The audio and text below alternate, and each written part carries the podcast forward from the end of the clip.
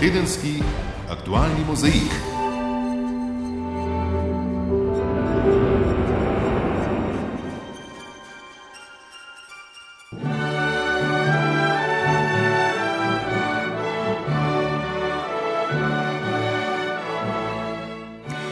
Spoštovani poslušalci, cenjene poslušalke, lepo pozdravljeni. Ta teden smo dober mesec dni po evropskih volitvah dobili seznam in men za ključne politične položaje v Evropski uniji.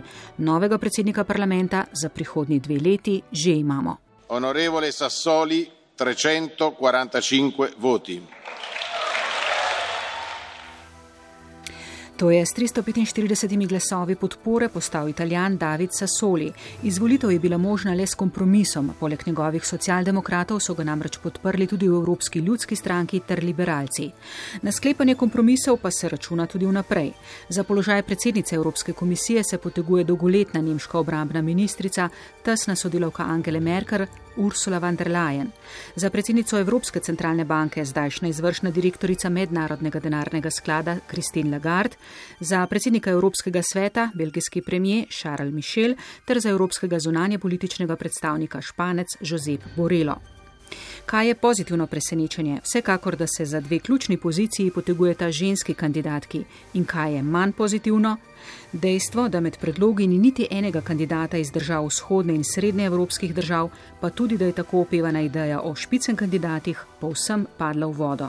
Na to so upozorili tudi slovenski poslanci Matjaš Han, SD in Jožef Horvat, NSI. Na koncu smo tudi iz tega naslova devali glasove, poleg programov. Zato se mi zdi, da smo bili na nek način nategnjeni, se upravičujem tem izrazom, ampak ker sem dva dni spremljal Evropo, si drugega izraza ne znam spomniti. Mi ocenjujemo, da to ni korektno do voljivcev. Najprej voljivcem nekaj obljubljaš, jim kažeš eh, eh, špicen kandidate, potem pa ta koncept pade.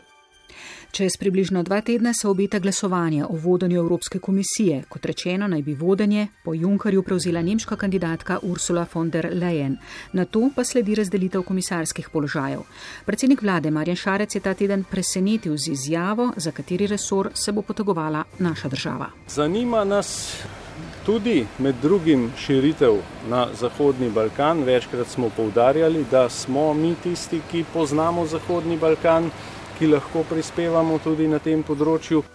Glede na to, da je proces širitve pravzaprav mrtev, se upravičeno porajajo dvomi, ali si slovenska politika v prihodnje sploh želi biti v središču sprejemanja najpomembnejših odločitev v Uniji.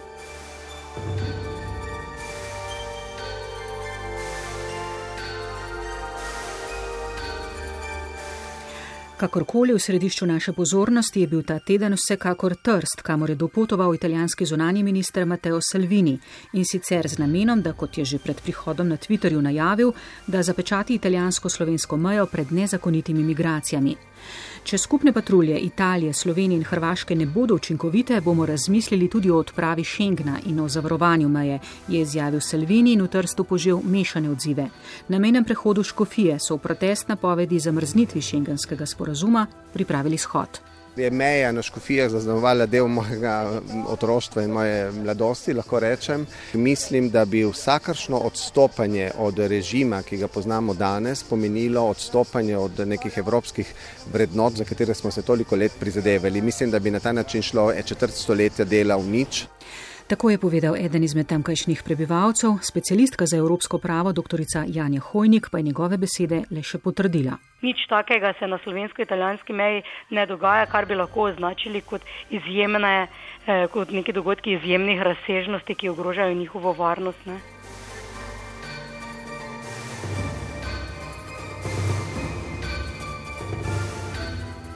Ta teden pa smo dobili tudi razrez proračunov za prihodnji dve leti. Gre za najvišjo porabo državnega proračuna doslej. Prihodnje leto bo tako na voljo kar 10 milijard 450 milijonov. In kam bodo šli? Finančni minister Andrej Bertoncel. Polovico te povišice, če tako rečem, gre iz naslova povišanih plač. Del gre tudi dodatno iz, za transferje. Eh, zato sem tako rekel, plače socialne, preostali del zgodbe je pa ta del, da je razvorno naravnan. Vlada kljub povečanim sredstvom za plače in socialne transferje ustraja na spoštovanju fiskalnega pravila in zniževanju javnega dolga. Bo tako tudi jeseni, ko se bosta dokumenta potrjevala v državnem zboru. Trenutno so politične stranke bolj ali manj udane v sodo. Igor Zorčič, SMC in Maša Kocipr, SAP. So pravzaprav vsi ministri ali pa recimo temu vse stranke enako nezadovoljne z sredstvi, ki pripadajo posameznim ministrstvom. Nezadovoljstvo je pač v smislu, da nikoli ne dobiš vsega, kar misliš, da bi bilo potrebno. Pač po kakšna cesta manj narejena. To so pač ti kompromisi, ki jih je potrebno sprejemati. A kot rečeno, v dejanskem sklepanju kompromisov v vladni koaliciji bomo lahko več rekli šele jeseni, ko bodo proračunski dokumenti na mizi poslank in poslancev v državnem zboru.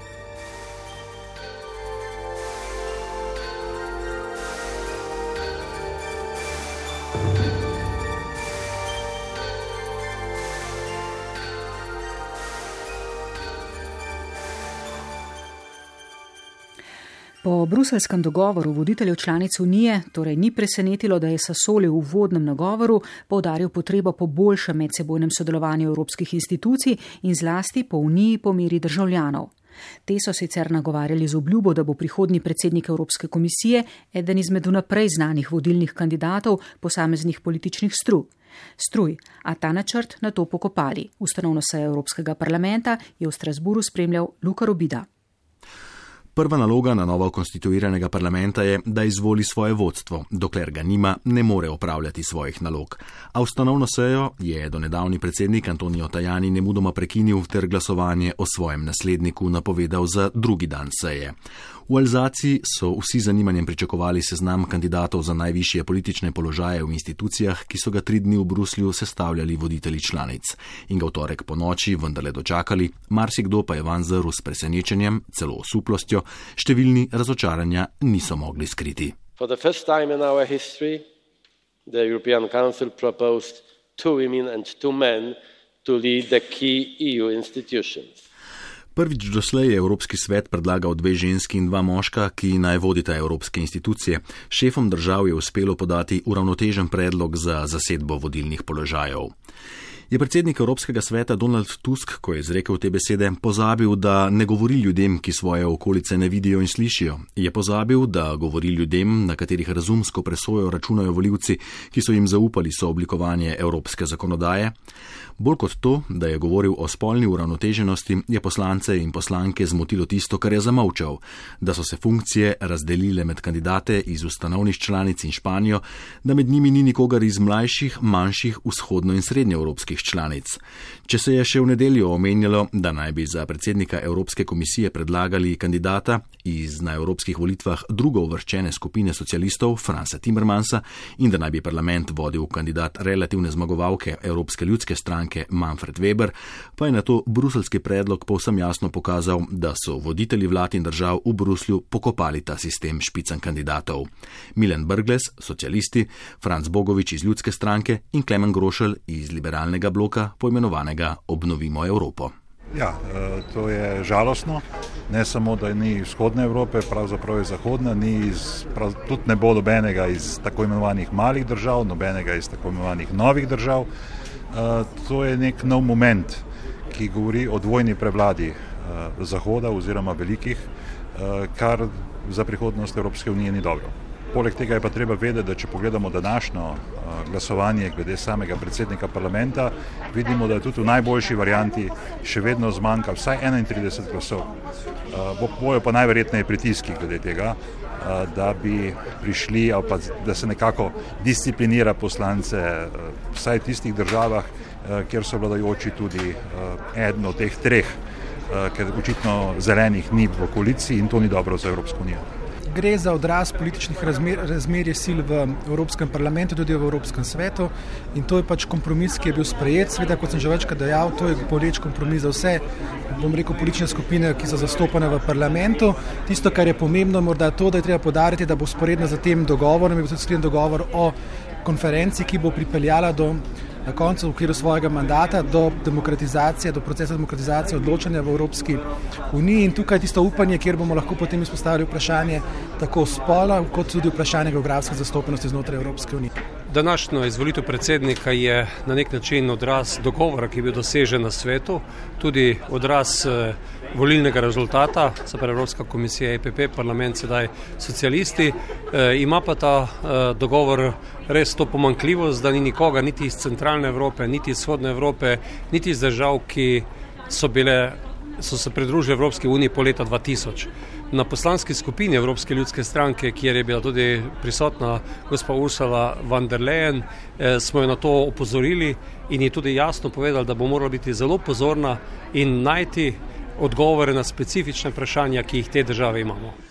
Že na prihodnjem plenarnem zasedanju bo parlament odločal o usodi kandidatke za predsednico komisije. Podpora poslancev van der Leyenovi kakopak ni samoumevna, česar se v teh okoliščinah kandidatka povsem zaveda in v tem kontekstu gre razumeti tudi to, da se je le dan po najavi kandidature že mudila v Strasburu.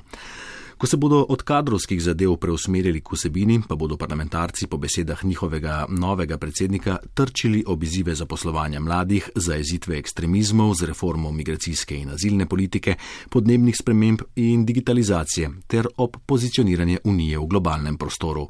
Pa še Dobbiamo recuperare lo spirito dei padri fondatori. Lo spirito... Treba je obnoviti veliki geni naših ustanovnih očetov, tistih, ki so se znali odreči vojni sovražnosti, ki so znali pokopati napake nacionalizma in nam tako omogočili, da se na tem temelju razvijajo mir, demokracija, vladavina prava, razvoj in enakost. Vse to s kolegi iz stranke Brexit, ki so svoj odnos do Unije razgalili še s tem, da so se ob zvokih evropske himne s hrbtom obrnili proč od glasbenikov. Vse to brez izvoljenih katalonskih poslancev, ki se ustanovne seje niso mogli udeležiti, saj jih španske oblasti preprosto niso umestile na seznam izvoljenih poslancev, na kar je pred parlamentom opozorilo več tisoč katalonskih protestnikov. Začetek tedna so torej zaznamovala pogajanja o kandidatih za vodilne položaje v Evropski uniji. Voditelji so povsem zaobšli sistem tako imenovanih špicen ali vodilnih kandidatov in za predsednico Evropske komisije predlagali nemško obrambno ministrico Ursula von der Leyen. Med kandidati za vodilne položaje sta tudi Christine Lagarde in Josep Borrell, kar je v javnosti naletelo na številne kritike. Špila Novak. Če bo Ursula von der Leyen potrjena za predsednico Evropske komisije, bo to prva ženska na tem položaju. Gre za prepričano evropejko, ki je blizu federalizem. Vendar nima podpore nemške koalicije in nekdani predsednik Evropskega parlamenta Martin Schulz je v njej na Twitterju zapisal, da je najšipkejša članica nemške vlade, kar pa je očitno dovolj dobro za predsednico Evropske komisije. V Nemčiji predvsem izpostavljajo slabe razmere v nemški vojski. Igor Jurič. Ursula von der Leyen, članica nemških krščanskih demokratov, je za položaj predsednice Evropske komisije predlagal francoski predsednik Macron. Je pa domači kritiki očitajo, da je nemška vojska pod njenim vodstvom zabredla v najhujšo krizo do zdaj. Njenemu imenovanju so se sicer uprli domači socialdemokrati, zaradi česar se je kanclerka Merklova včeraj kot edini voditelj vzdržala pri njeni podpori. Predsednica Evropske komisije za izvolitev potrebuje absolutno večino evropskih poslancev. Na položaju predsednika Evropskega sveta bo Donalda Tuska nasledil belgijski premijer Charles Michel, sin nekdanjega evropskega komisarja in belgijskega zunanjega ministra Luja Michela, o katerem pravijo, da je močan zagovornik kompromisov. Nova predsednica Evropske centralne banke bo Christine Lagarde, zdaj izvršna direktorica Mednarodnega denarnega sklada.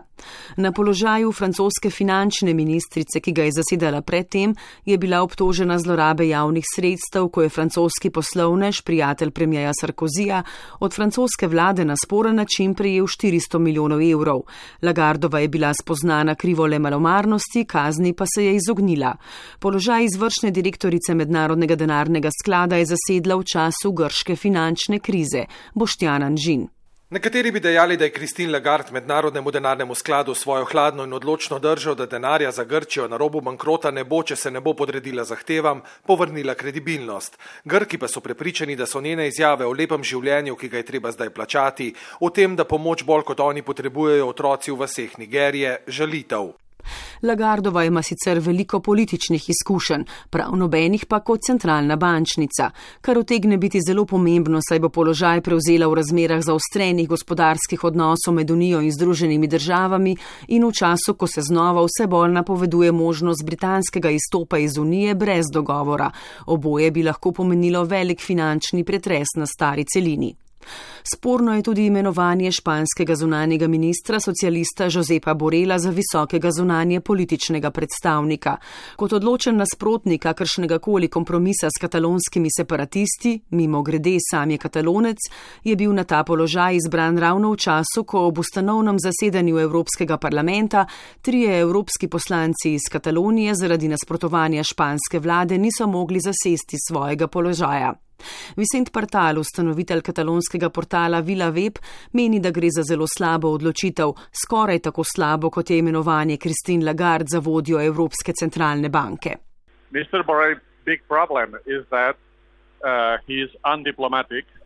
Borelov problem je, da je zelo nediplomatski, da se obnaša tako, kot se je naprimer med intervjujem za Deutsche Welle, ko je novinarja najprej obtožil laganja, na to pa zapustil prostor, ali ko je izjavil, da so Združene države ubile le nekaj indijancev. Obnaša se zelo nediplomatsko in zato je čudno, da bo deloval v vrhu evropske demokracije. Poleg tega je Španija ena redkih evropskih držav, ki ne priznava Kosova in Borel je glede tega zelo glasen. Kakšno stališče bo zagovarjal zdaj? zdaj. And, uh, Mr. Borrell has been very vocal on not recognizing Kosovo and uh, what will be here. Evropski parlament pa bo v prihodnih dveh letih in pol vodil italijan David Sassoli iz politične skupine socialistov in demokratov Janko Petrovec. 63-letni David Sassoli je pred desetletjem veljal za enega najbolj znanih italijanskih novinarjev. Tri leta je bil tudi pomočnik direktorja prve nacionalne televizijske mreže RAI. Leta 2009 je prvič kandidiral za enega od italijanskih evroposlanskih mest in bil izvoljen na listi levo-sredinske demokratske stranke. Na isto mesto so ga voljivci potrdili pred petimi leti, ko je postal eden od podpredsednikov Evropskega parlamenta.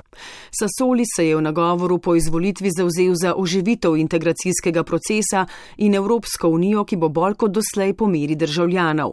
Po prvi polovici mandata bo mesto predsednika parlamenta predal nekomu iz vrst Evropske ljudske stranke. Slovenska in italijanska policija sta v ponedeljek uvedli mešane obmejne patrulje. Njihov cilj je preprečevanje če dalje številčnejših nezakonitih migranskih prehodov meje proti Italiji. Toda veliko več razburjenja kot mešane patrulje sta minuli teden povzročila italijanski notranji minister Matteo Salvini in predsednik Furlanije Julijske krajine Massimiliano Fedriga, ki sta napovedala celo gradnjo fizičnih ovir na slovensko-italijanski meji. Salvinijev včerajšnji obisk Trsta so pospremili številni nasprotniki ponovnih kontrol na meji, sam pa je stališča med tem nekoliko omilil. Toda ne gre samo za mejo, ampak za širše notranje politično dogajanje v Italiji. Iz Rima Janko Petrovec. Na vprašanje novinarja druge TV mreže Raj, kako si zamišlja mejo Slovenijo, je Salvini sinoči odgovoril takole: Kontrolato, presidiato, sigillato. Mejo je treba nadzorovati, zaščititi in zapečatiti. Ta teden so začele z delom mešane italijansko-slovenske policijske patrulje. Slišal sem se tudi s hrvaškim kolegom, z njim in slovenskim se bom 18. julija srečal v Helsinkih. Na mejo bomo poslali 40 mož ukrepitve, na voljo pa imamo tudi dodatna tehnološka urodja za obrambo meje. Če to ne bo zaleglo, v kar dvomim, pa smo pripravljeni tudi na začasno ukinitev šengenskega režima ter uvedbo fizičnih ovir. Salvinijevo stališče je jasno. Obravnava meje Slovenijo je eno od front, ki jo bo po potrebi odpiral in zapiral. V minulem tednu je neprimerno več pozornosti namenil človekoljubnim ladjem v sredozemlju. Najprej si voču, katere kapitanko so pristojne oblasti izpustile iz pripora in na to jadrnici Alex, italijanske organizacije Mediteranea, ki je z novimi rešenci priplula pred pred Lampeduso v noči na petek. Non bisogna mai abbassare la guardia, abbiamo visto che ci sono le navi delle ONG. Ves čas moramo biti pozorni, pač glede na to, da so te izkoriščevalske ladje nevladnih organizacij ves čas tu. Migranti izkoriščajo tako, da poskušajo zlomiti blokado naših pristanišč. Zato bomo resni, strogi in stanovitni, medtem ko čakamo, da se prebudi Evropa. Do Evrope minuli teden ni bil kritičen samo Salvini, ampak v pogovoru za naš radio tudi furlanski guverner Massimiliano Fedriga po rimskem srečanju med obema sredi tedna. Fedriga meni, da Unija ne bi smela kritizirati ravnanje hrvaških obmejnih sil na meji z Bosno, saj da upravljajo samo svojo nalogo, ta pa je obramba zunanjih meja Unije. Če bi se vsi vedli, kot se vedeta Italija in Slovenija, pa v zadnjem času še Hrvaška, težav ne bi bilo. Število nezakonitih prehodov meje iz Slovenije v Italijo je letos naraslo, to je dejstvo. To, da pri grožnji zapiranja meje gre tudi za notranje politično agendo ministra Salvinija. Kot vemo, je prišel na oblast s politiko ničelne tolerance do migrantov. Okoli te temeljne teme mu še vedno raste podpora voljivcev. Salvini mora zato nenehno reševati problem, kar pa ne pomeni, da ga je politično oportuno tudi do konca rešiti. Kot opozarjajo tukajšnji mediji, se je Salvini v minulem letu udeležil komaj enega od osmih srečanj notranjih ministrov Evropske unije, na katerih so razpravljali o tem, kako bi presegli Dublinski sporazum, po katerem so vstopne države še vedno prvo odgovorne za novodošle migrante. Drugo dejstvo je politika zaprtih pristanišč za humanitarne ladje, pri čemer pa Salvini prezre, da le te v državo pripeljajo komaj desetino od že tako nizkega števila novodošlih. Po podatkih notranjega ministrstva se je v zadnjem tednu denimo, v Italiji skrcalo 250 ljudi, med njimi z humanitarne ladje samo 40. Kako zaustaviti čovne in tihotapske jadrnice, ki na obalah Južne Italije vsako noč izkrcavajo migrante, zaenkrat še ne ve. To, da če dalje drznejša retorika, ki ruši tabuje politične korektnosti, bi lahko pripeljala do domnevno dokončne rešitve. Ta pa je popolna blokada morja pred Italijo z vojaškimi ladjami, ne glede na žrtve. Salvini ima težave tudi z vračanjem migrantov v izvorne države. Predvolivno je napovedoval takojšnjo repatriacijo pol milijona ljudi, ki nezakonito bivajo v Italiji. V prvi polovici tega leta so jih v izvorne države vrnili komaj 3000. Problem je tudi vračanje sekundarnih migrantov iz Nemčije, se pravi tistih, ki so tja prišli nezakonito iz Italije. Nemčija jih pospešeno pošilja nazaj čez Alpe. Našo tezo, da Salvini problem rešuje, ne splača pa se mu ga rešiti, pa še najbolj potrjujejo učinki njegovega prvega protimigranskega zakona.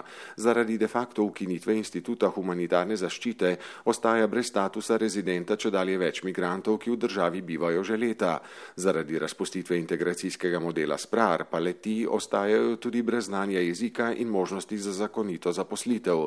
Ostaja delo na črno, seveda, kar na veliko izkoriščajo veleposestniki iz juga države, ki jih na evropskem trgu živilskih izdelkov, pač zaradi tehnološke zaostalosti, rešuje samo drastično zniževanje stroškov dela. Za Slovenijo, ki noče končati med netolerantnimi državami vzhoda Evrope, ki pa v času odmevnih kriz s humanitarnimi ladjami ni niti enkrat izrazila pripravljenosti na sprejem kakšnega od njihovih rešencev, je zato politično oportuno čim učinkoviteje zavreti pretok migrantov čez njeno zahodno mejo. Samo tako bo izginila nazaj v mednarodno senco, kjer ji je tako zelo udobno. Temeljno vprašanje pa je, ali bo pri tem ohranila svojo človečnost. V Grčiji, ki je v zadnjem desetletju postala sinonim za krizo, svežne pomoči, težko vrčevanje, se je sinoči končala predvolilna kampanja pred nedeljskimi predčasnimi parlamentarnimi volitvami, na katerih se napoveduje politični preobrat. Premijer Aleksis Cipras in njegova Siriza bosta po napovedih javnega mnenja za opozicijsko novo demokracijo in Kirjakisom Micotakisom zaostala za 7 do 10 odstotkov. Sinoči so po državi potekali še zadnji shodi, na katerih sta ključna igralca na političnem prizorišču svoje pristaše pozivala k množični udeležbi na volitvah. Iz Aten Boščana Žin. Jutri se bo, kot vse kaže, končalo obdobje vladanja stranke Siriza in njenega voditelja Aleksisa Ciprasa, ki se je leta 2015 nasprotovanjem strogim vrčevalnim ukrepom sunkovito pospel na oblast, a moral na koncu, ob Grčiji na robu bankrota, pristati na nov svežen posojil in pogojev. Nihče nam ne more učitati, da se nismo zagrizeno bojevali, kljub našim pomankljivostim in napakam, ki jih nismo nikoli skrivali. To, da naredili smo vse, da smo Grčijo postavili na noge in jo rešili težkega bremena dolgov, ki so dušili Grke, pravi Cipras. Protesti, brezposelnost, nižanje plač, množično odhajanje mladih v tujino so postali del grškega vsakdana. Premijer Cipras je sicer pred dobrim letom lahko razglasil, da Grčija končuje program pomoči in se postavlja na svoje noge, a krhke in še naprej pod nadzorom. Življenje za marsikoga ni lahko. Eh, Do 20. v mesecu zmanjka denarja, ki ga ni dovolj, da bi človek preživel ves mesec. K sreči imam starše, nisem sam, vedno je nekdo, ki mi lahko pomaga. A če morate plačevati avto, najemnino in druge stvari, vam le stežka uspe. Zame je najpomembneje, da bodo mladi lahko našli službe, da se bodo zmanjšali davki in da obstaja možnost, da ta država v prihodnosti spet postane normalna. Zdaj smo z vsemi vrčevalnimi ukrepi komaj dihali. Gospodarstvo se je skrčilo za četrtino, brezposelnost je okoli 20 odstotna, a bistveno višja med mladimi. Desetletje krize je napajalo tudi ekstremne politične stranke, vključno Zlato Zoro.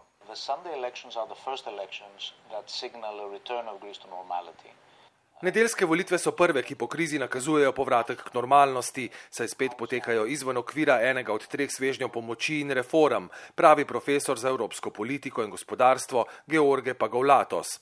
Mnogi so Ciprasu obrnili hrbet, ker je nadaljeval z bolečim vrčevanjem, nekateri zaradi dogovora s Severno Makedonijo, s katerim je po mnenju kritikov severni sosedi podaril del grške identitete. Še zdaj pa niso pozabljeni tudi lanskoletni smrtonosni požari, ko ga dneve ni bilo nikjer. Krmilo bo očitno prevzel nov človek, Kirjakos Micotakis, vodja opozicijske nove demokracije, ki je finančni svet zapustil zaradi politike. Jobs, jobs, jobs. Potrebujemo nova delovna mesta, novo davčno politiko, više plače in varnost. Ljudje so zaskrbljeni, tudi ko gre za naše odnose s Turčijo ali naraščanje kriminala v njihovih soseščinah. Micotakis, premijer je bil tudi njegov oče, napoveduje obrat in dopušča možnost, da bo Grčija postala eno najprijetnejših presenečenj evrskega območja.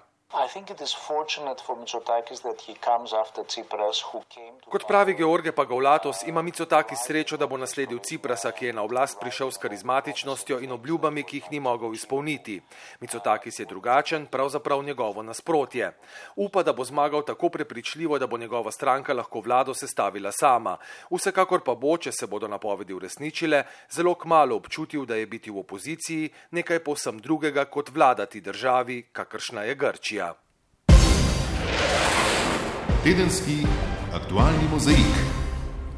Zdaj pa k domačim temam. Vlada je potrdila proračuna za prihodnji dve leti. Ugodne gospodarske razmere dovoljujejo rekordno porabo - 10 milijard 450 milijonov, 300 milijonov več kot letos. Tudi načrtovani presežek je še enkrat višji od letošnjega, znašal naj bi kar dobrih 400 milijonov. Lovimo ustrezno ravnovesje med stabilnostjo in blaginjo, sporoča finančni minister.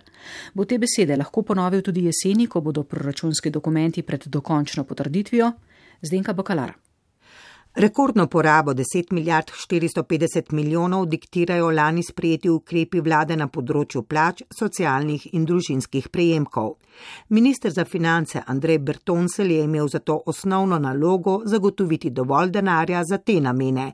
Omenja sicer tri cilje. In sicer razvoj, socijala in plače. Kot veste, smo z podpisom uh, sporazuma uredili uh, obseg povišanja plač v posameznih letih in iz tega naslova seveda grejo znatna povišanja, ki smo jih seveda že vključili v proračun. Torej vse te zakonske obveze so v tem delu vključene v proračun. Zgornje meje 10 milijard 450 milijonov niso presegli, kar pomeni, da je fiskalno pravilo upoštevano. Saj načrtujejo 400 milijonov visok presežek. Toda želja je bilo za prek ene milijarde, ki so jo uspeli znižati na 600 milijonov in na koncu v predviden okvir. E, moram pa v tem seveda povedati, da ta pogajanja pa niso bila lahka, ne? E, da smo se kar trdo pogajali, da smo vse številke spravili v obseg najviše dovoljene porabe za državni proračun, to je 10 milijard 450 milijonov evrov. Zahtev se je mogoče lahko na nek način to številko razkrijem, zahtev in želja, ne, če oboje eh, tako poimenujem, je bilo dodatno za preko 600 milijonov evrov. In to že potem, ko smo velik del tega uskladili ne, in že znižali eh, zahteve po posameznih uporabnikih, je še vedno ostalo odprto toliko tega. Ne. Za zdaj so torej prekomerni porabi rekli odločen ne, toda proračunski dokumenti so šele na pol poti. Jeseni bo še vladna seja in na to dokončno potrditev v državnem zboru. In v tem delu se lahko še marsikaj spremeni, zlasti, ker teh želja res neizmerno veliko, oporo pa imajo v finančno zahtevni koalicijski pogodbi. In zato tudi napotek ministrom o tem, kaj morajo upoštevati pri pripravi finančnih načrtov. Vsak proračunski uporabnik pri sebi pogleda in poišče rezerve. Eh, smo se zavezali, da na tem delu delamo še bolj intenzivno naprej, torej kaj se da storiti znotraj In seveda tretji ukrep, katerega se tudi ponavljamo, je izvajanje strukturnih ukrepov. In pri tem mislim predvsem na te strukturne ukrepe, ki so bili že večkrat navedeni na področju pokojninskega sistema, zdravstvenega sistema in trga dela. Ministr Bretoncel je zagotovo poln optimizma, glede na to, da je imel na mizi za več kot 600 milijonov dodatnih zahtev za delitev, da od ministrov hkrati pričakuje še strukturne reforme. Sam namreč vztraja pri načrtovanem 4 milijonskem presežku. Mislim, da je nujno, da dosežemo načrtovane presežke, enoodstotni proračunski presežki so zelo lepa, zelo visoka številka.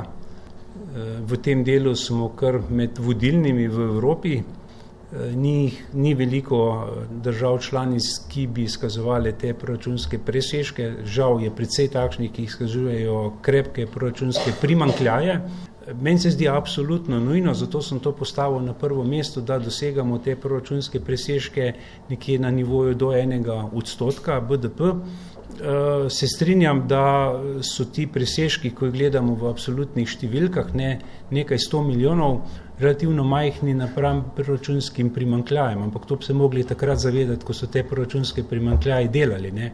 Kakšen bo na koncu proračun, zlasti višina presežka, pa bo odvisno od jesenske politične aritmetike. Po približno treh mesecih pogajanj je socialnim partnerjem uspelo pripraviti predlog pokojninskih sprememb. Kljub temu, da uradnega predloga ne poznamo, lahko trdimo, da ne gre za reformo, temveč zgolj za popravke.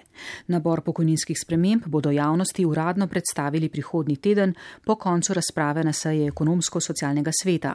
A neuradna izhodišča so že znana. Predstavlja jih Urška Valjavec. Zvišanja upokojitvene starosti na 67 let ni pričakovati. Moškim naj bi se odmerni odstotek zviševal postopno. Upokojenci, ki bodo želeli delati še naprej, pa ne morejo računati na polno pokojnino. Tako lahko strnemo predvidene spremembe pokojninske zakonodaje. Gre za majhne popravke. In komentar ekonomista Dušana Mramorja je pričakovan. Saj približno tako, kot eh, zdaj razumem, da bo predlog menim, da ne gre ravno v smeri vzdržnega pokojninskega sistema. Poglejmo predlog bolj podrobno. Meja za starostno pokojnino bo kot kaže ostala pri starosti 60 let in 40 let pokojninske dobe. In to kljub temu, da imamo v Sloveniji eno najnižjih stopen zaposlenosti starejših v Evropski uniji. Govorimo o zaposlenih starih med 55 in 64 let. Pri nas delež znaša le 47 odstotkov. Švedska je na vrhu lestvice in tamkaj dela 78 odstotkov zavarovancev starih med 55 in 64 let. Sindikati so predlogu o zvišanju starostne meje nasprotovali že v izhodišču. Jakob Počevalšek, Pergam. V to vrstni reformi, kot je ta, oziroma v teh spremembah, ki pravzaprav niso reforma, ne vidimo mesta za neko parcialno spreminjanje to vrstnih pogojev za upokojitev. So pa predvidene spremembe dvojnega statusa. Zdaj velja, če upokojenec po izpolnitvi obeh pogojev želi nadaljevati z delom, mu poleg plače pripada tudi 20 odstotkov pokojnine. Za vsako dodatno leto delovne dobe dobi 4 odstotke višjo končno pokojnino. Zadržek že glede sedanjega sistema ima pravna stroka. Dekan Ljubljanske pravne fakultete Grega Strban meni, da zaposleni že sedaj prejema pokojnino, ki to v resnici ni. Če nekdo ki je že zaposlen, prejema del pokojnine, potem to po svoji pravni naravi ni pokojnina, ker pokojnina nadomešča izpadli dohodek ob nastanku socialnega tveganja izgube dohodka, temveč je to na nek način ukrep aktivne politike zaposlovanja starejših, ki bi ga morala financirati država, ne pa pokojninski zavod iz prispevkov. Gre tudi na nek način za obrnjeno solidarnost, torej zdaj aktivni plačujejo prispevke za tiste, ki že izpolnjujejo pogoje, ki imajo morda više dohodke, pa še zraven dobijo en del pokojnine, ki je pravzaprav niti ne potrebujejo. Ne? Zadnji predlog glede dvojnega statusa ministerstva naj bi se glasil. Prva tri leta po upokojitvi bi upravičenec poleg plače prejmeval tudi 40 odstotkov pokojnine, po preteku treh let 20 odstotkov. Za vsako dodatno leto bi zavarovanec prejel 3 odstotke višjo pokojnino. Obrtniki so na nogah, zahtevamo 100 odstotno pokojnino, pravi Bogdan Oblak. Prehitro upokojevanje pa usporedno še pomankanje, vse splošno pomankanje delovne sile je akutni problem pri kadrovanju. Enostavno ni zadobiti delavca oziroma zaposlenega za neko konkretno delovno mesto. Zaradi tega smatramo tudi na obrtni zbornici, da bi bila rešitev, ki bi dajala ob izpolnitvi obeh pogojev 60-40 100% pokojnino, usporedno pa bi bilo možno nadaljevati zaposlitev s plačilom. Primernih prispevkov smo nekako oblikovali termin, te primerni prispevki so lahko tudi 100% prispevki in pa seveda v, zaradi tega pridobivanje mogoče nekih dodatnih stimulativnih procentov pri višini pokojnine, kasnejše, ko bi enkrat že se zadeva s to dodatno, dodatnim delom upokojenega delovca končala. Na predloge vlade 40, prva tri leta pa 20, kasneje ne pristajamo, smatramo, da bi to bilo premalo stimulativno za tiste, ki se nameravajo upokojiti in pa za tiste profile zaposlenih, ki bi lahko zaradi narave dela še nadaljevali zaposlitvijo in s tem zmanjšali ta kadrovski krč, ki trenutno velja v slovenskem gospodarstvu. Pogajalska skupina naj bi se dogovorila tudi glede odmernega odstotka za izračun pokojninske osnove za 40 let pokojninske dobe. Po dogovoru naj bi se za moške, za katere zdaj velja odmerni odstotek v višini 57,25 odstotka, ta postopno do leta 2025 zviševal na 63,5 odstotka. Medtem ko za ženske že veljavni zakon določa tak odmerni odstotek. Poleg tega naj bi se dogovorili, da bi bila pokojnina za upravičenko ali upravičenca 1,36 odstotka višja za vsakega otroka, a največ za tri otroke. Pri tem naj bi postavili pogoj, da se upravičenka ali upravičenec ne upokoji predčasno. Še vedno pa naj bi ostala v veljavi tudi sedanja možnost, po kateri se lahko zaradi otroka upokoji prej. Po oceni profesorja Mramorja bodo finančne posledice predloga presegle odstotek bruto družbenega proizvoda. Je gotovo je dobro, da imamo sistem, ki spodbuja, da se dlje, dela dlje uh, pri ženskah uh, in otrocih, seveda gre tudi za demografsko politiko, pač ve, večje rodnosti. Uh, vendar dvomim, da, bo, da bojo ti ukrepi, ki so zdaj predlagani, imeli dovolj močan učink, da, da bojo v bistvu izničili na drugi strani pa povečanje odmerne, eh, odmerne stopne. Tako da eh, bojim se, da ni dovolj eh, močnih inštrumentov grajenih na eni strani kot palčka, se pravi podaljšanje delovne dobe in potem na drugi strani kot korenček, se pravi stimulacija. Slovenci se v poprečju upokojujejo pri 61 letih, večina takoj, ko izpolni pogoje za upokojitev. V tem trenutku je v Sloveniji skoraj 450 tisoč starostnih upokojencev. Njihova poprečna pokojnina znaša okoli 650 evrov. Njim se na račun opisanih sprememb pokojnine ne bodo zvišale, saj bodo višji odmerni odstotki veljali za nove upokojence. Sedanji upokojenci bodo imeli pokojnine više zaradi letnega dodatka ter rednih in izrednih uskladitev. Bo Adria Airways uspela preživeti letošnjo zimo? To je vprašanje, ki se potem, ko je država pred tremi leti letalskega prevoznika prodala nemškemu skladu 4K Invest, največkrat zastavlja ne le poznavalcem razmer v letalski industriji, pač pa tudi politikom, gospodarstvenikom in ne nazadnje vsem, ki letimo z njo. Vodstvo družbe še vedno mrzlično išče strateškega partnerja, poznavalci razmer pa opozarjajo, da so možnosti, da bi ga tudi našlo, relativno majhne. Če bo družba propadla, saj država ne načrtuje ponovne nacionalizacije, bo to dolgoročno zelo slabo vplivalo ne le na slovenski turizem, pač pa tudi na gospodarstvo in razvoj države na splošno. Simona Rogel. Adria Airways za lani sicer še ni objavila poslovnih rezultatov, a namigi gredo v smer visoke, če ne celo najviše izgube v zgodovini letalskega prevoznika. Kdo lahko Adrijo potem, ko je država kot vroč kostam preložila v roke zasebnega sklada, sploh še reši? Direktor Holger Kovar še pred časom potrkal na vrata predsednika vlade Marjana Šarca in očitno dobil košarico, zdaj pa mrzlično išče strateškega partnerja, ki bi družbi omogočil nadaljni obstoj in razvoj. Pogovarjamo se z različnimi partnerji, a več kot to trenutno ne more razkriti pravi. Poskusi, da bi Adri našli partnerja, segajo v čas, ko je bila še v državnih rokah in v dosti boljši kondiciji kot danes. Ker država kot lasnik ni uspela zagotoviti kakovostnega vodenja in nadzora, je Adrija vse bolj izgubljala smer in tonila v dolgovih. Prišla je kriza in tedanja predsednica vlade Alenka Bratušek jo je skupaj z brniškim letališčem uvrstila na seznam 15 podjetij za prodajo. Gre za eno največjih napak, opozarja strokovnjak za civilno letalstvo iz Zagreba Alen Ščuric in dodaja, da to vrstne odločitve zagotovo ne temelijo na strateško-ekonomski ali politični logiki. Nego se radi zapravo o nekakvom političkom pritisku. V ozadju so pravzaprav politični pritiski, pritiski različnih institucij, kjer so oblasti prisiljene v prodajo oziroma v podelitev koncesije. Lahko pa gre tudi za podkupovanje oblasti ali kakšne druge zakulisne igre, ki ne temelijo na ekonomski zdravi logiki. Danes je evidentno, da je bila prodaja Adrije skladu 4K Invest velika napaka. Gre za sklad, ki ni imel izkušenj z letalsko industrijo, poleg tega še danes ni znano, kdo je v resnici njegov lasnik in tudi denarja nima ali ga noče vložiti v Adrijo.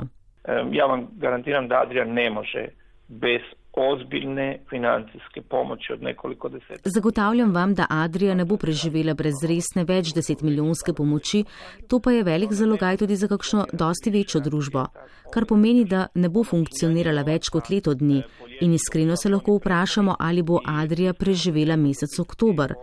Torej, če k prodaji Adrije dodamo še napake povezane z Brniškim in Mariborskim letališčem, vidite, da je slovenska oblast v izjemno kratkem času, približno treh letih, uspela uničiti nekdaj zelo uspešno in ugledno slovensko letalstvo in sicer do te mere, da vas je prehitela celo Bosna in Hercegovina. Moram priznati, da ko vas preraste Bosna in Hercegovina, se morate res vprašati, kdo je tu nor in resnično bi morali poiskati politično odgovornost za ta fiasko. Onda se stvarno morate pitati, ko je tu lud in treba tražiti ozbiljno politično odgovornost v takom jednom fiasku. Ščuric ob tem ne verjame, da bo Adrija uspela najti strateškega partnerja, lahko se sicer pojavi še kakšen sklad, ki ji podaljša življenje še za kakšno leto, dve ali tri, kot kaže pa bo šla po poti vseh tistih družb, ki so končali v stečaju. Vi morate znati, da v ovom momentu v Evropi se prodaje barem 40 kompanij. Vedeti morate, da se v Evropi ta trenutek prodaja vsaj 40 družb, ki so v dosti boljši situaciji kot je Adria Airways, naprimer Croatia Airlines in Montenegro Airlines. Pri tem je seveda potrebno upozoriti, da je v zadnjem letu v Evropi propadlo približno 20 družb, ki so tudi bile v dosti boljši situaciji kot je Adria, a so bankrotirale, ker niso uspele najti strateškega partnerja. U zadnjih nekakvih godinu dana vam je negdje 20 ozbiljnih kompanija bankrotiralo in nisu uspjeli naći investitora. Tako bi Adrio na koncu koncev lahko rešila le država, če bo seveda uspela prepoznati njeno vrednost. Slovenija jasno mora shvatiti, da je nije alternativa. Slovenija mora spoznati, da ni alternativa to, da potniki potujejo iz sosednjih letališč. Turisti tudi ne bodo leteli v Zagreb in potem naprej potovali v Slovenijo. Enako velja za gospodarstvenike. Tako da, če ima Slovenija vizijo gospodarskega razvoja, mora dojeti, da je letalski promet prioriteta. Daleč najboljša rešitev za državo je nacionalni prevoznik z uspešnim menedžmentom, ki ima realen razvoj, saj ne prinaša le denarja državi, ampak tudi številne druge koristi. Prepričan sem, da so v Sloveniji vrhunski strokovnjaki, ki bi lahko Adrijo spet postavili na sam vrh aviacije. Le nekdo bi moral sprejeti pametno odločitev, da se to naredi in to tudi uresničiti. To bi bilo na koncu za državo najcenejše, še dodaja sogovornik. Tedenski aktualni mozaik. Zdaj pa k kulturi. V Karlovih varih se prav zdaj začenja sklepna slovesnost 54. mednarodnega filmskega festivala. Doslej so že podelili častne nagrade.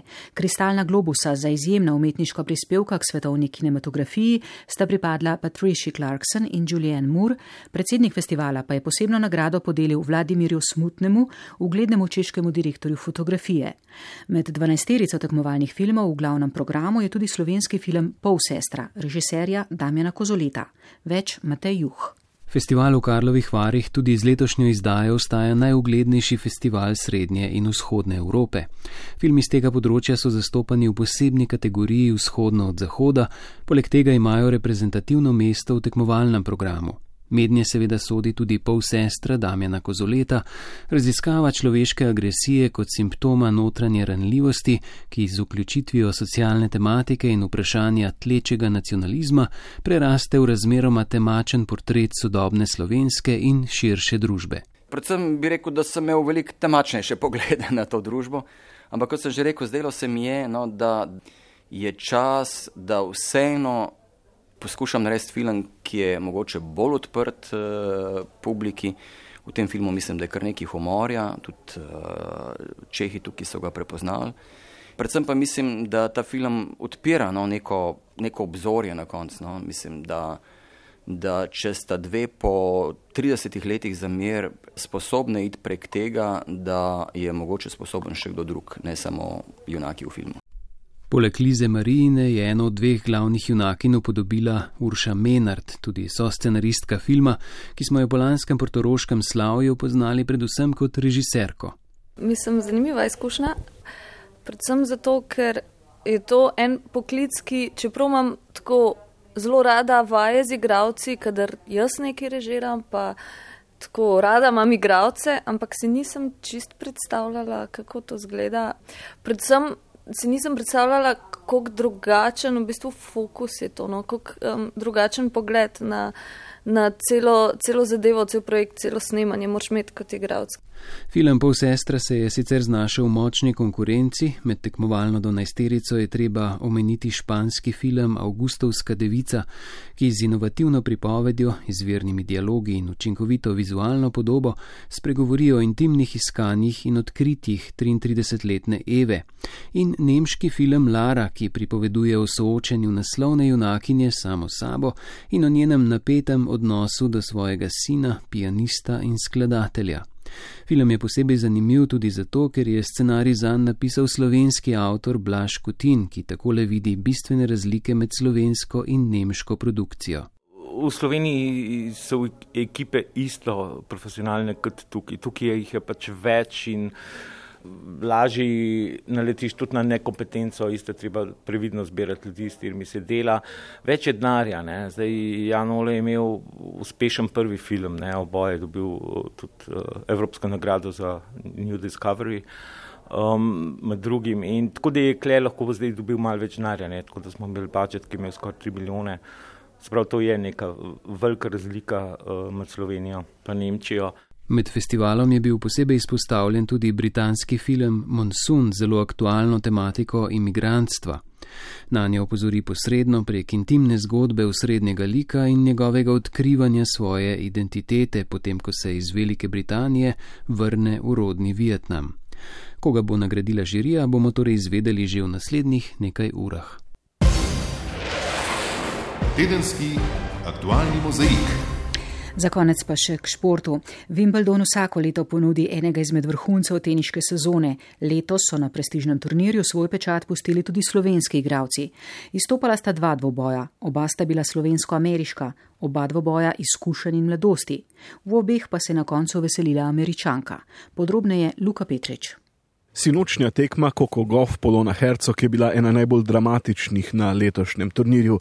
Na eni strani izkušena Mariborčanka, ki se je v najboljšo stoterico teniških igralk prvič prebila pred desetimi leti, na drugi pa 15-letnica, ki je ta teden naredila svoje prve korake na največji sceni. Goffova je v vodnem krogu izločila petkratno zmagovalko Wimbledona, 24 let starejšo Venus Williams, čez noč je postala teniški hit, tako priljubljena, da so organizatori oba njena naslednja dvoboja dali na osrednje igrišče, ki spreme 15 tisoč gledalcev. Velika večina je včeraj navijala za njo in ji pomagala, da je obrnila dvoboj v svojo prid. The crowd was amazing. I mean, even when I was down match point, they were still uh, cheering on, cheering me on, and I'm just super thankful that uh, they believe in me. Gofova je povedala, da je bila vesela, da so gledalci verjeli vanjo. Ubranila je dve zaključni žogi. Hercegova si jih je priigrala sredi drugega niza po slabi uri izjemnega tenisa. Obe je imela preden je tekmici sploh ponudila prvo priložnost za odozem servisa. Odlično je servirala, narekovala ritem svojim močnim forehandom, bila je tik pred krstnim prebojem v osmino finala Grand Slema.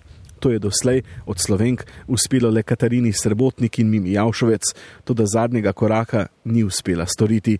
Drugi niz je izgubila po podaljšani igri, v kateri je vodila spet proti tri, tretji niz pa prav tako tesno, sedem proti pet. Kljub temu, da je bila pred zgodovinskim podvigom, pa je poraz, vsaj takoj po dvoboju, ni vrgal stira kot marsikateri v preteklosti. Lahko rečem, mogoče ena uh, redkih tekem, da nisem imela soznih oči po tekmi, da sem ja, je ono, mislim, tisti abnormalen šok, ki ga pač ne vem, ne znam ga niti opisati. Uh, ne vem, če bo to prišlo za mano ali ne bo, ali upam, da ne. Igrala sem res pač tisto, tak tenis, kot si ga želim igrati in to je edina pot za naprej. 28-letnica upa, da bo dobro formo zadnjih tednov izkoristila v drugi polovici sezone, predvsej drugačen zaključek leta pa pričakuje najobetavnejša slovenska igralka. Kaja Juvan je pri 18-ih ta teden prvič zmagala na Grand Slamu, predvsej bolj kot njen prvenec, pa je odmeval njen dvoboj proti najboljši, Sereni Williams. Dotlej je na travi Juvanova odigrala sedem dvobojev v svoji članski karieri, Williamsova je sedemkrat osvojila Wimbledon. Toda njuna preizkušnja ni zrcalila tega razmerja. Juvanova je prvi niz dobila 6 proti 2, močno je igrala z osnovne črte, njen začetni udarec je bil čvrst, američanka pa se je, kot toliko krat v svoji karieri, po počasnem začetku le prebudila in začela prevladovati. Drugi in tretji niz je dobila na 2 in 4. First of all, well. Was um she returned well. You know, I wasn't hitting any big serves. I couldn't really even ace her throughout the match because she was really reading the returns. But uh, yeah, she just played well, and then I started out a little slow. Williamsova je pohvalila igro Juvanove, sploh njeno vračanje servisa, rekla je, da je odlično predvidevala, kam bo poslala začetni udarec. 18-letna slovenka je z mešanimi občutki doživela dvoboj, zadovoljna, da je prikazala dober tenis, hkrati pa razočarana zaradi poraza. Optimistično zrejo prihodnost, doslej je namreč svoj čas posvečala tako šoli kot tenisu, odličnjakinjo pa zdaj čaka še nekaj šolskih obveznosti, po jesenski maturi pa se bo popolnoma predala tenisu. Izboljšati želi fizično pripravljenost, da bo v takšnih dvobojih lažje držala korak s tekmico ne samo, da lahko močno igram, ampak da lahko močno igram tri sete. Ker bom to naredila, mislim, da bom tudi v tretjem setu lahko servirala tako kot v prvem in bo mogoče rezultat čist drugačen. Juvanova se bo na najnovejši teniški lestvici približala najboljši stoterici, Hercegova pa 50. mestu. Tako visoko ni bila že sedem let. Tedenski aktualni mozaik. Ura je 17:55 minut, čas, da se poslovimo. Dovolite, da napovem le še nekaj dogodkov, ki bodo krojili prihodnji teden. V ponedeljek bo Evropsko sodišče v Luksemburgu obravnavalo, ali je slovenska tožba zoper Hrvaško zaradi nespoštovanja arbitraže dopustna. V torek bodo gospodarstveniki spet opozarjali, zakaj je izuzetje dodatkov pri minimalni plači škodljivo. V četrtek bo najverjetneje znano, kdo bo novi generalni direktor Ljubljanskega UKC-ja. V petek pa se bodo člani ekonomsko-socialnega sveta lotili pokojninskih popravkov. Tako, toliko za danes, odajo sem vodila Urška Jerep, uredila pa jo je Snežana Iljaš. Preživite prijeten večer in še prijetnejšo nedeljo. Nasvidenje.